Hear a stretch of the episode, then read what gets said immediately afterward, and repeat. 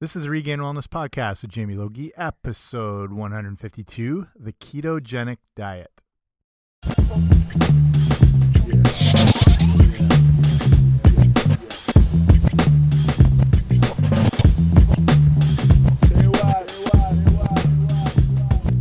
Hey guys, what's happening? Welcome to the Regained Wellness Podcast brought to you by regainedwellness.com. I'm Jamie Logie. I'll be your host today. And I wanted to do this episode on what's probably the biggest to me at the moment um kind of nutrition I don't know you don't want to call it a movement per se, but lifestyle approach that a lot of people are doing from high level athletes to fitness competitors to bodybuilders to average, you know, weekend warriors and it's the ketogenic diet and there's a lot of information to share so I'm going to try and cover it as best as I can. So I'll be talking about what it is, how it works, the possible, you know, benefits it has in your body, issues that come with it, uh, foods to include, pretty much everything. So it's going to cover a lot of stuff, but like I said, it's you know with the last few years these healthy eating kind of movements come and go where you know say like paleo. I mean we go back. I mean there's always different fad diets. I, a lot of these things I don't want to necessarily call diets because I think that's the wrong approach. It's more of a healthy um, eating lifestyle. Like you know, starting uh, with paleo being one of the biggest things for a while, where you see it everywhere, and that's kind of tapered away now. Just you know, people by no fault of their own are always looking for whatever the next big thing is, or the Mediterranean diet. And these things are all still beneficial and relevant, but the ketogenic diet or keto, I find it a little more prominent at the moment. So, probably best to devote a whole episode to it. And that's what we're going to do. But before we do that, make here's the uh, generic shout out to make sure to subscribe to the podcast wherever you find your podcast under rocks under the, the sofa cushion Apple Podcasts, Stitcher Radio, wherever you find a podcast, I should be there. Make sure you subscribe. That way you get the shows automatically sent to you. It saves me money on mail. I don't have to hand deliver them. Everybody's happy. Okay, let's get right into this.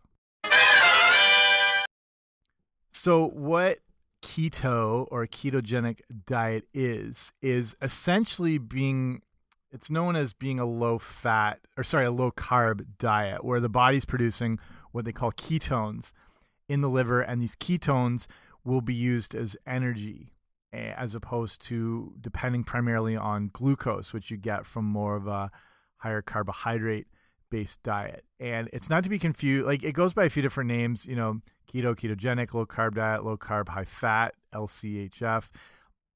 It's been a lot of people confuse eating a high protein diet with being in ketosis or being or following a ketogenic diet. They're thinking they're eating a lot of protein and they're you know really limiting their carbs but it is primarily a fat based diet. So the people who are on this high protein low carb diet aren't really following a ketogenic diet at all. So what it looks like here is when you're eating you know like the majority of people if your diet's based in carbohydrates which probably the average person is eating way too many of we just have um, you know too much availability of these super high energy forms of carbohydrate, whether it's in breads or pastas or rice or, uh, you know, like quinoas or things that are all amazing, but, or, or granola, even healthy granola. These things are all amazing, but when they're so carbohydrate dense, when you'd normally, like, think if you lived in a natural environment, you wouldn't have access to bread or pasta. I mean, you'd have to take a long time to procure it from growing your own wheat and harvesting it and grinding it down, and you'd only have small sizes. Whereas you can eat a loaf of bread in one day, no problem, go get another one immediately. So our availability of carbohydrates is probably a little too high for the average person, and especially uh, starchy, like refined carbohydrates, and obviously refined sugars, and they do go hand in hand. Essentially, if you're eating anything white, probably the best thing to avoid white bread, white pasta, white rice, white sugars, all that sort of thing. So when you're eating something high in carbs, your body's going to produce glucose and insulin. And glucose is you know one of the easiest molecules for your body to convert and use as energy. So, you know, it's going to be chosen over any other energy source. I like to call carb things like you know whether it's granola or bread or whatever they're like fast acting carbs and then from that you get insulin from the pancreas. It's produced to process the glucose in your bloodstream. It takes it around the body. It's like a shuttle service. It's like uber for your body. It's kind of how insulin works. So the idea with all this since the glucose is being used as your main energy your fat is really not as needed and it's you know more likely to be stored. So typically on like a normal high carbohydrate diet you're using glucose constantly because it's constantly available. And if it's not always used there's a good chance it could be stored as body fat and it's got that you know insulin raising effect. And insulin can also be known as you know a fat producing and storing hormone. It's kind of a backup energy source. So when you lower your carbs, the body goes into what is known as ketosis. And this is a natural process the body initiates to help us survive when food intake is low. Our, our modern society is just so out of whack with what our bodies kind of developed and evolved from, where we have obviously constant access to food, constant access to high energy food, and we don't go. I did a whole episode on intermittent fasting just talking about that issue of you know people not having to go more than two hours without eating and the the concept of panicking if they're not going to eat every three to four hours and how that's maybe a little out of tune with what your body's uh, better able to handle. And a lot of our hunger is psychological compared to actual physical hunger. We don't need to eat every two to three hours at all and especially with the wrong things. If you're making some cleaner food choices it might not be too bad. Or if you have more athletic pursuits or physique pursuits or whatever it, you know it, has got its its place there. But you know in, in our natural state where we would have um, evolved and lived you know there's days you would go without eating. And our bodies seem to be built to handle that situation. And when we're in the state where food intake is low your body produces ketones which are produced from the breakdown of fats in the liver. And the end goal of you know, a properly maintained keto diet is to force your body into this metabolic state. This is the whole idea behind the ketogenic diet. We don't through this we like you're not starving yourself, but you're essentially starving yourself of carbohydrates. And I'll talk about in a bit what that does and, you know, what seem to be some interesting benefits. So it comes down to the fact how amazingly adaptive your body becomes to what you put in it, whether you overload it with fats, take away carbohydrates. Um, just in that situation, it's gonna, you know, if you've always been eating carbohydrates, your body's so used to it, you become a sugar burner, and it sort of sets in. And then there is the chance, you know, in under those conditions, those constant conditions, you maybe have some more body fat. You maybe have some blood sugar issues. You maybe get more of the chance for type 2 diabetes and more obesity and potential heart disease when you're, especially if it's a constant exposure to these inferior fast acting carbs, is telling you about. But, you know, when you, with the idea with, I'll just say straight up, this is all information purposes as well. And I'm not advocating one diet over another and obviously something to, double check with your doctor. If, even if that goes without saying, I'm going to say it anyway. This is just more to present what the ketogenic diet is about. So, you know, when you start to uh, switch and overload your body with fats, healthy fats, and take away carbohydrates, you will begin to burn ketones as a primary primary energy source. So, and if you have these optimal ketone levels, it can offer, you know, health benefits, weight loss benefits, physical benefits, um, I'll, I'll, get into some more stuff, but I mean, some super high end athletes have done this diet. Like LeBron James was doing this for a while, and there's some NHL hockey players, which is the ultimate in high intensity uh, exercise and training, that is, have been doing this form of diet. I mean, people have adopted this thing, and it's provided. I mean, when you're an athlete where your career and everything depends on your body's performance, you're not going to put anything to chance. And especially of a performance based physical nature. So the fact that some people have adopted this shows, you know, it does have some, you know, seemingly interesting physical benefits. And then there's the mental performance benefits. And that's one of the biggest things that people have gotten out of ketogenic diets and, and ketosis. I'll say right now before getting into um, just more details. What it looks like, an average ketogenic diet is going to be a breakdown that 70% of your calories are going to come from fat, 5%, or sorry, okay, 25% are going to come from protein, and only 5% are from carbohydrates. And that's on the low end. It can go even higher as far as the ratio of fat. And it, it's got its roots in um, being a therapeutic diet for pediatric epilepsy.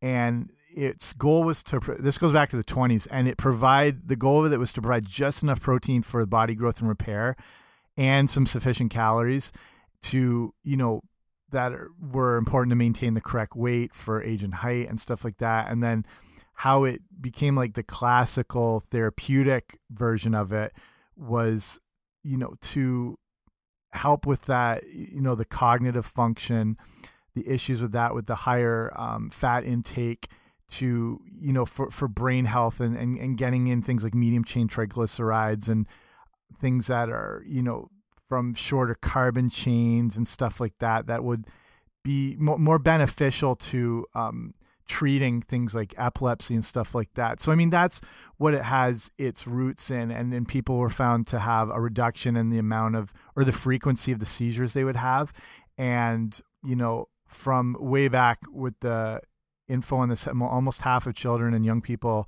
with epilepsy who have tried some form of this diet saw the number of seizures drop by at least half, and the and the effects would continue even after they discontinued the diet. So it was interesting. It was primarily for children and, and young people, and then you know with adults they would get into it not finding as good a result. So what happens is how this kind of gets into the mainstream. It goes back to the 90s kind of mid 90s, and there's a Hollywood producer named Jim Abrahams, and he had a son who had severe epilep epilepsy, and it was effectively controlled by doing the diet. So he created what's called the Charlie Foundation to promote it. Um, you know, he, the publicity he was on NBC Dateline, and there was a, a television movie, I think it's called First Do No Harm with Meryl Streep.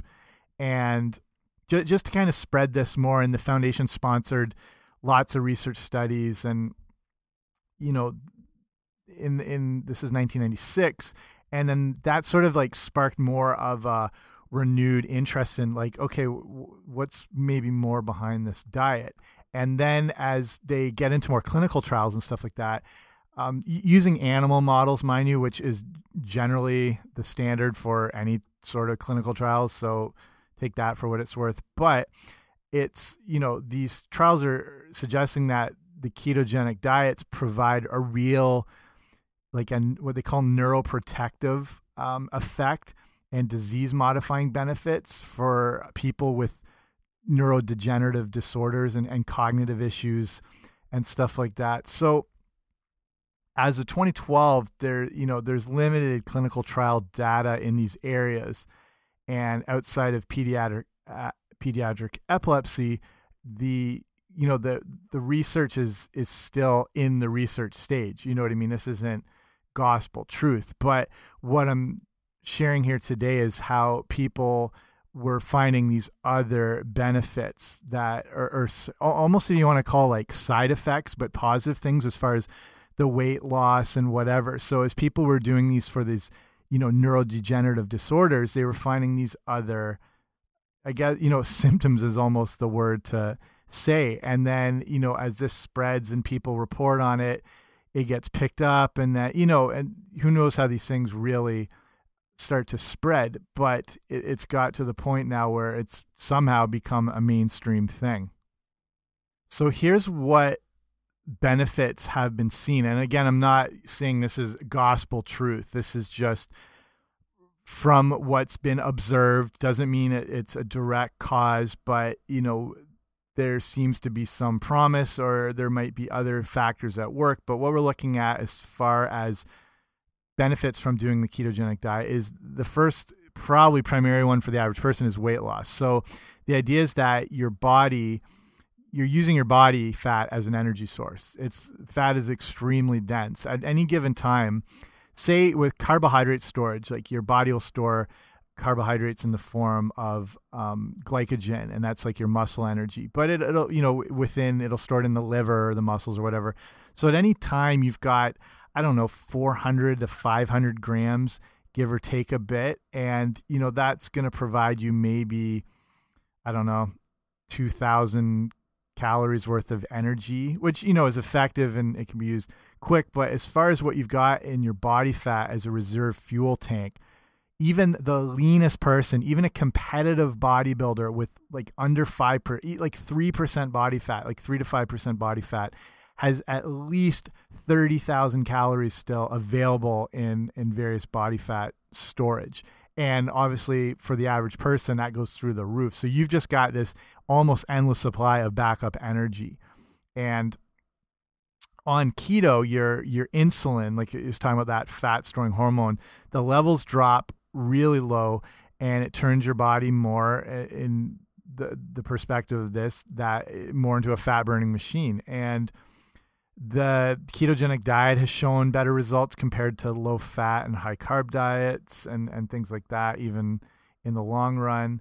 Um, then you've got the with the insulin that control the blood sugar and a lot of diabetics will follow this diet, they'll do, you know, keto will naturally lower your blood sugar levels due to the types of food you're eating. You're not eating these fast acting carbs. And there's studies have shown that the ketogenic diet is a more effective way to manage and prevent diabetes compared to a low calorie diet. So you still need that nutrition intake. But a lot of people I know have done well on reduced calorie diets as far as reversing type 2 diabetes. So, you know, again, I'll, to, I'll probably say it a million times, but this is, is not you know written in stone. There, there's everyone's got different variables that can affect outcomes depending on whatever their nutrition approaches are. But people who are on or sorry who are pre-diabetic or have type 2 diabetes um, do pretty well on this sort of thing so um, the next benefit is that mental focus i talked about before and some people use it you know, regardless of the the epilepsy thing and whatever, some people are using it specifically for the increased mental performance. And ketones are used by your brain, and they're a pretty good fuel source for your brain. So when you lower your carb intake, you avoid those big spikes in blood sugar. And this can be seen to help improve focus, concentration, memory, uh, just all those different things associated with cognitive function. And there's other studies too that show that an increase intake of fatty acids can have impacting benefits on our brain's function. Your brain needs fats. Like you're a fathead. We're all fatheads. Our brains are physically made up of different omega 3 based fats and DHA and stuff. And the problem is when you don't get healthy fats in your diet or you have too much in the form of starchy carbohydrates and sugars, your brain can suffer from that. And and in a lot of cases with people with um, you know depression or any any cognitive issues, there are indicators that they're low in omega 3s and lower overall fat which you know is the structure the physical structure of your brain. So that's a big reason why people do it. There's the i the benefit of increased energy and a balancing of your hunger. And you know with fat with healthy fats too i mean we're talking about the good clean healthy fats whether they're medium chain tri triglycerides from coconut oil, olive oil, avocado, um, nuts and seeds, grass fed beef, like true grass fed stuff like that, salmon. That this kind of fat is like a slow burning log that if you're but think of your body's like metabolism as a fire it's like putting a big log on it that's just going to steadily burn compared to if you put i don't know things like bread and pasta it's like throwing kindling on a fire. Like it's going to burn. It's not going to be a, you know, a quick, fast burst. Like, say, in the case of like candy or sugar or whatever, that's like throwing paper on the fire or, or, or, tissue paper. It just immediately burns up. It's gone in a second. That's how fast it acts. And that's not ideal for your body, um, hormonally, metabolically, the whole deal. With, um, say, something like the pastas and the rice, it's think of it more like the kindling. It's not going to instantly burn up, it's going to burn for a little bit, but not steadily. You're going to be hungry again afterward. The idea with the fat and, and some protein it's like that big log on the fire that's just going to consistently burn for hours and hours. So you get better and more reliable energy. You feel more energized during the day. Um, the, you know, fats are still a good molecule to burn as fuel, and you're more satisfied. You're more satiated because of the fat intake and the protein and whatever. So, and then um, interestingly, there's seen uh, potential benefits of cholesterol and blood pressure improvements. And it seems weird, you know, with the idea with having a higher fat intake to improve triglyceride levels and cholesterol levels that are associated with, you know, that plaque buildup and, you know, more specifically, low carb, high fat diets show um, a dramatic not just the decrease in that your bad cholesterol LDL, which aren't actually cholesterol, they're carrier proteins, low density lipoproteins, but they're associated and they decrease the bad ones, but also raise your your good HDL compared uh, the concentration compared to like low fat diets. I mean, there's a lot of stuff that goes deep in this, and there's different studies on low carb diets. Um, also show better improvement in blood pressure over other diets um, you know, some blood pressure issues are associated with excess weight, uh, which, you know, is a bonus because people on the keto diet tend to lose weight. Then you've got the benefit of the insulin resistance, like I said before. Your your body, you know, when your body is constantly having to secrete insulin, when you're eating so many carbohydrates and sugars and starches that just have this insulin release, after a while, your, your body has to your pancreas has to secrete more and more and it, that can lead to burnout and then that's when you're looking at things like type 2 diabetes if it's left unmanaged. So there's a lot of research again showing that a low carb based ketogenic diet can help people lower their insulin levels to healthier ranges. So um, and and like i said before even if you're athletic and I talk about some pro athletes have done this you you can benefit from that insulin like optimization on a ketogenic diet through eating those high fat foods, your body can stay a little more consistent and perform. The, I can't remember the guy's name, but he won the. It's not the. It's the big Ironman where it's like the extended version of it that I think they do in Hawaii, where it's it's like triple the amount you'd normally do of the distance of the biking. This what I can't even remember what it is, but that guy was on a ketogenic diet. I mentioned like LeBron James trained that way for for quite a bit. People don't necessarily always stay with this, and they, you know, it's sometimes seen as maybe a shorter term benefit, um, kind of like a reset for your body, and some people stick with it. So it, it depends on the person. It's just interesting that extreme endurance athletes have have done this sort of thing before, which which blew my mind.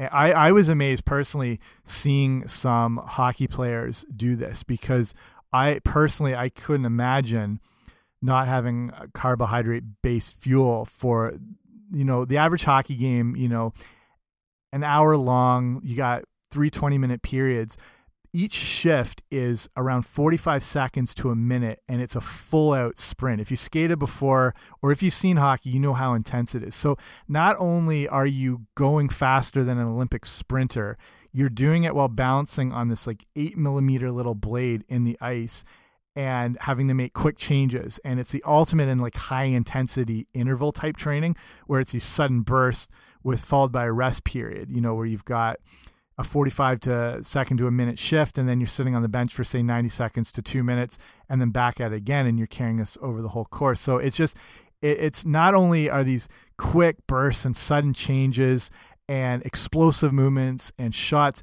you're also trying not to get absolutely rocked to hell by guys flying around at the same speed and you're battling for pucks in the corner or in front of the net. And it, it's like I don't know if you, if you haven't played it. The only like I've played hockey my whole life. I I play two to three times a week. It's still my main form of like cardio, um, and high intensity training.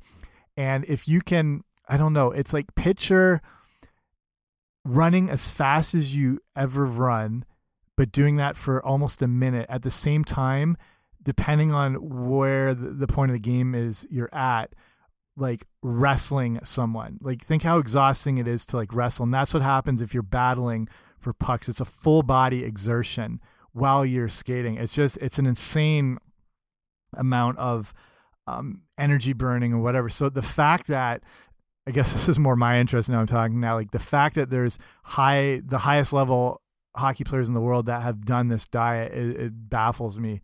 Um, but you know, maybe there's something to it. So uh, one more benefit I'll just look at here, and that's to do with acne, which I didn't even know this was one of the the benefits as I've been researching more. One of the common, you know, uh, benefits is people get improvements in their skin when they switch the ketogenic diet, and they there's studies that show drops in lesions and skin inflammation because I, I think it must be because they don't have that high insulin surge and that high starch intake and sugar and you know the the starchy carbs that turn into sugar in the body and that can lead to inflammation and that can lead to skin problems. And there's another study that shows a probable connection between high carb eating and increased acne and not just the bad skin but specifically acne.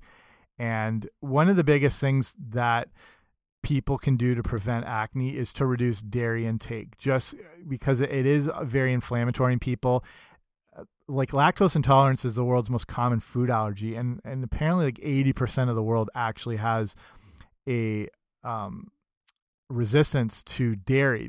Just because it's not the, the milk and the the stuff we have access to is is not real dairy. It's been so uh, corrupted from the amount of hormones and stuff that these cows can be pumped full of and these are what are causing a lot of the reactions in people's body but not just that like the, the milk like 1% milk 2% milk skim milk the, the, that's not real that's something created whether it's hydro infused or different kind of uh, mechanical processes that go through. So, I mean, you're not consuming something natural and you're consuming it from an entirely different species. You know, th this is a whole side rant. Um, as much I do for vegan and vegetarian listeners, I primarily believe in plant-based diet and I do believe there are room for some animal proteins but specific ones from the cleanest most pastured grass-fed natural sources. And even from that I really am not a big fan of dairy overall. I just I I don't know. There's no mammal that consumes dairy past around the two year age point, let alone from a whole other species. And it's interesting if you took like a skim milk to a, a baby calf, they won't even touch it because it's not real. You know, it's only in the whole milk form that they get it, or the the the first feedings they get and colostrum and different natural things. So it, it's I just I don't know if we're meant to eat dairy at all, specifically milk. And for people with bad skin, when they reduce or eliminate dairy, it's one of the biggest things people report as far as improved skin and acne and stuff like that. So, you know, from the specific lactose, but God knows what hormones and crap that are pumped into these animals. So, okay, so that's what's perceived as different benefits um, from it. So, what does it look like? Like, what do you actually eat on this thing? So, this is where it's tough because it is a lot of planning. It's a lot of calculating. You got to be very aware of things to keep things in the right ratios. You know, I mentioned about that like 70% calories from fat, 25% from protein, 5% from carbs, and that's very tough to to stay in balance with. So, um, I you know with carbs, I mean depending on the person and your size and your age and whatever, I mean, for some people, it's only like 15 grams of carbs per day. I mean, that's like two mini eggs. I mean, it's so easy to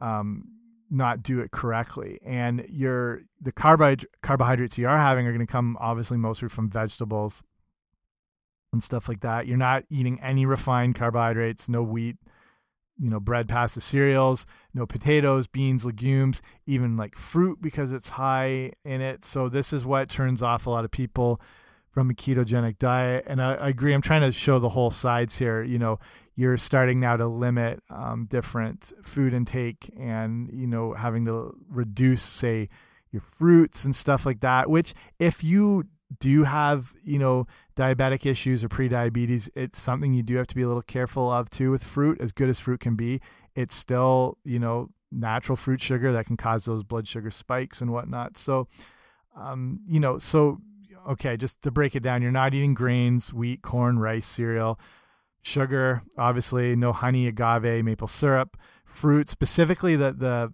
the starchier sugary fruit like bananas, oranges, apples.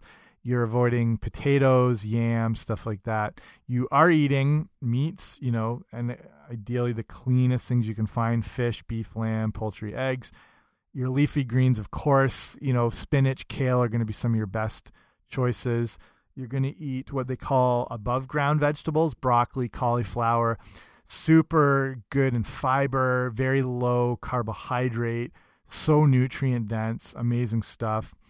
You're going to be having, if you do have some dairy, you want it to be, again, natural. If you can find places that do natural, like butters or real cheese, you're going to be doing nuts and seeds, specifically things like macadamias, um, macadamias are amazing nut. The problem is nuts are so expensive now. I don't know where you live, but like where I am in Canada, I mean, I'm surprised this stuff's not traded on the black market because it's probably like almonds or walnuts or macadamias. They're like they're more expensive than like cocaine, and I'm surprised people don't trade them like that. And you go up to drug dealers with a pound of um, you know salted, lightly roasted almonds and whatever. And like macadamias are so expensive, but they're an amazing nut. If you look at it, it's weird that this this nut that exists in nature is so full of healthy fats and at the same time is almost like a multivitamin with the amount of minerals and stuff it has in it. It's I guess I'm very fascinated by macadamias. Might not be everyone, but yeah. So you got those and sunflower seeds then you with fruit wise your better choices and i recommend this all the time too are your berries raspberries blackberries. They're very low blueberries very low glycemic really not high in that natural fruit sugar but very high in fiber.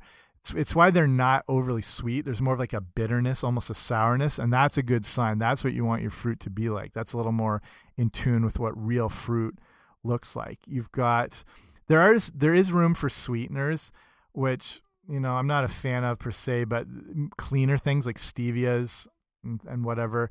And then other fats, you know, you got your coconut oil, which is one of the staples of the ketogenic diet, um, you know, olive oil, stuff like that.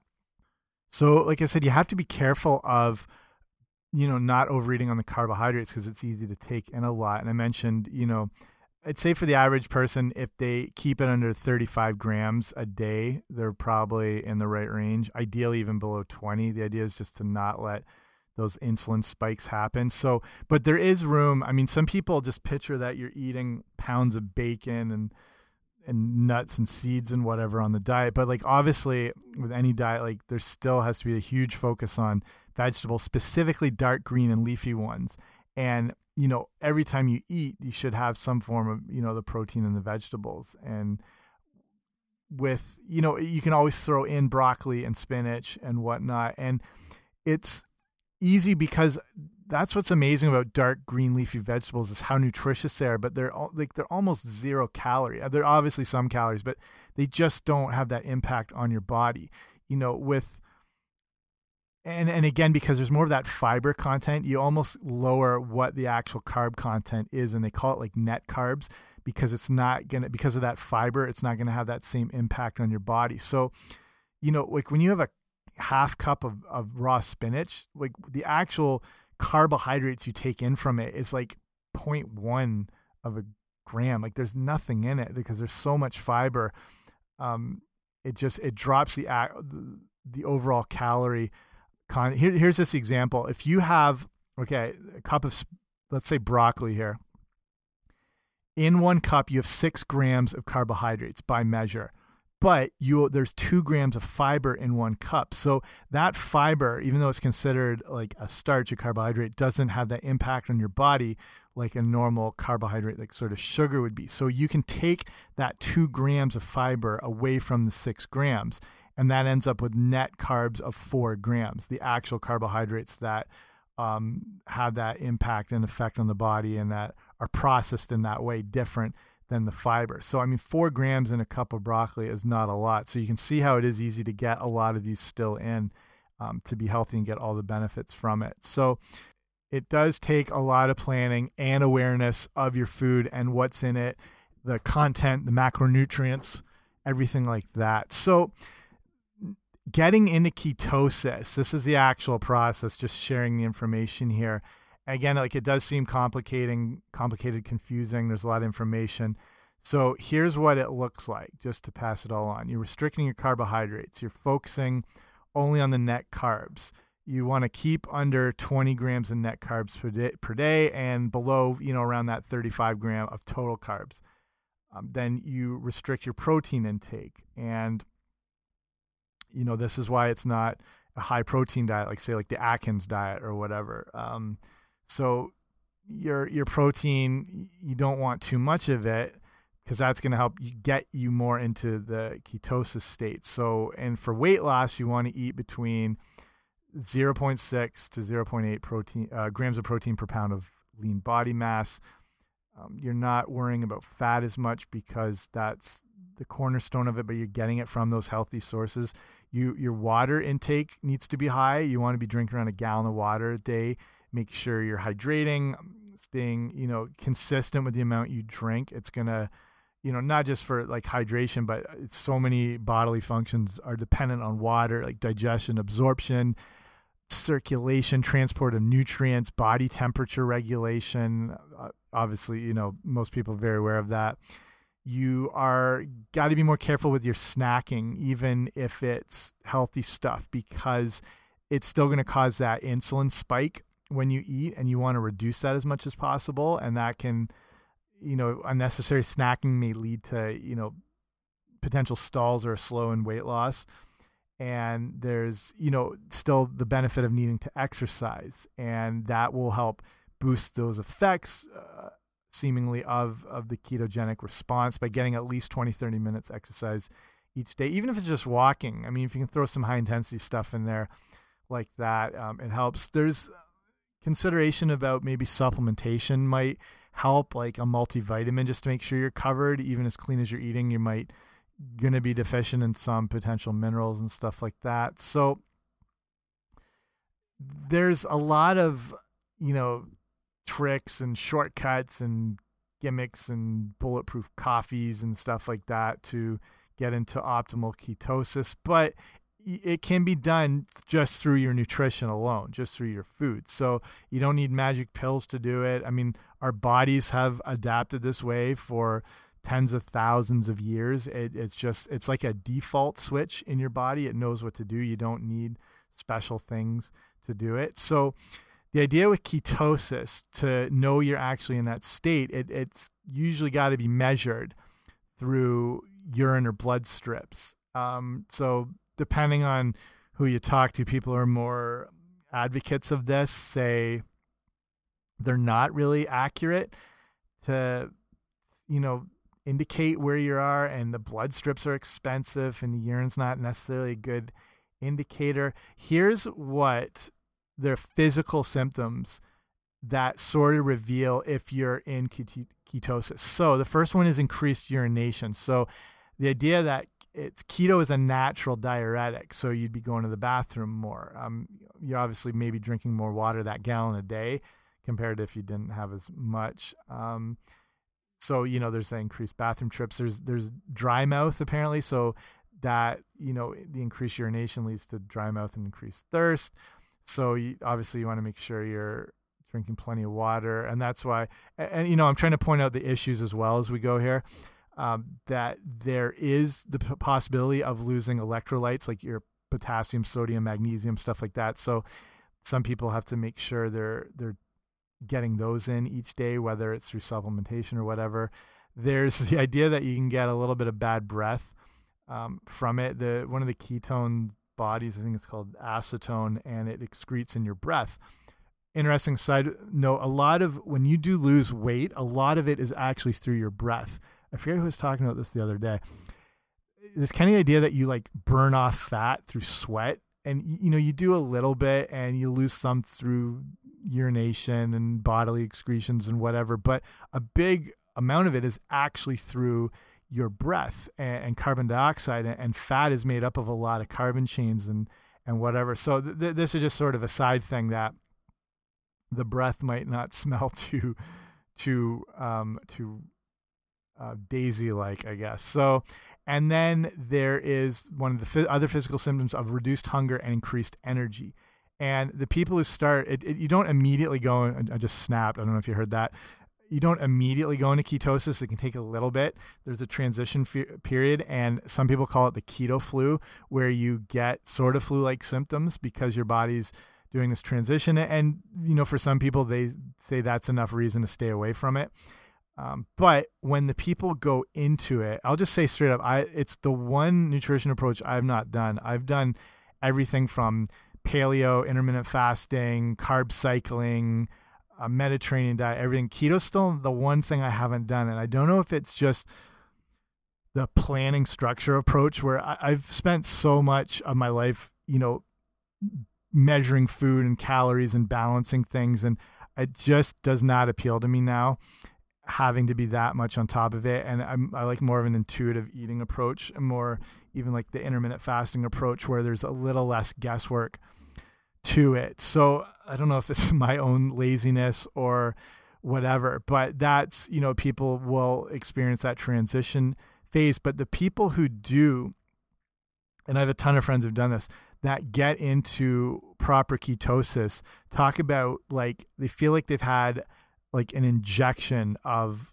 like B12 or adrenaline in their body, how energetic they feel, and how their hunger levels are more balanced, and how more clear they think, and their energized mental state, and everything like that. So interesting, just seeing that, you know, from friends and whatnot. So let's look again, like as I'm trying to just share everything here, let's look at some of the issues and dangers. And if you have studied biology or chemistry or physiology, anything like that, you've probably heard of ketoacidosis. And the ketone production in your body, yes, can get too high. And under normal circum normal circumstances, you know, it might not, but it can be one of the issues where you you know just have to be aware of stuff like that and again always checking this sort of thing out with your physician because this is to me one of the extreme ends of the the dieting spectrum whereas like if if you're adopting paleo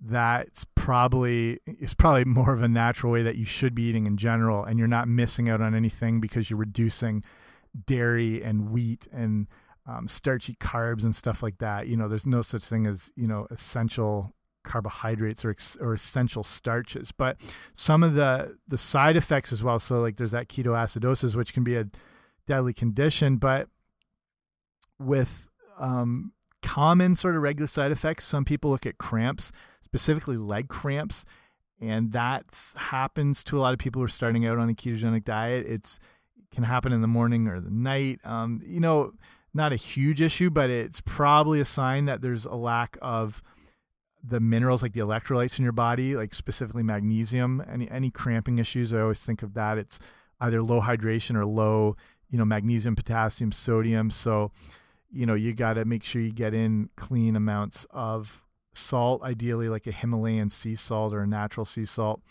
Um, even the supplementation can help. There's constipation issues because um, that's kind of connected with dehydration. So again, that's why you people need to be having that gallon of water a day and making sure you're getting in those vegetables with the fiber, which ideally you should be doing. Good quality fiber from, you know, non-starchy vegetables. So like like saying like the broccoli, the kale, all that sort of stuff. There's some issues with people have heart palpitations when transitioning to keto. Some people find their heart beats faster, harder it's apparently a standard thing, but again, to be aware of, needing to also be um, aware of your your the fluid and the salt intake and stuff like that. There's the people transitioning. We talked about how well some people do uh, with physical performance, but there can be a reduced physical performance when you're starting it out because your body has shifted from you know having to now get away from like carbohydrate energy into using your body fat and your strength and endurance can take a hit again like i don't know this from experience but the people transitioning into it um, report that their strength is down whatever but it does return to normal interestingly so I think I'll cut it off here. I think that's covered everything as far as what ketogenic diet looks like, what ketosis is, what benefits people are finding from it, what problems people face with it. So, again, take this for information purposes. This is not me promoting anything.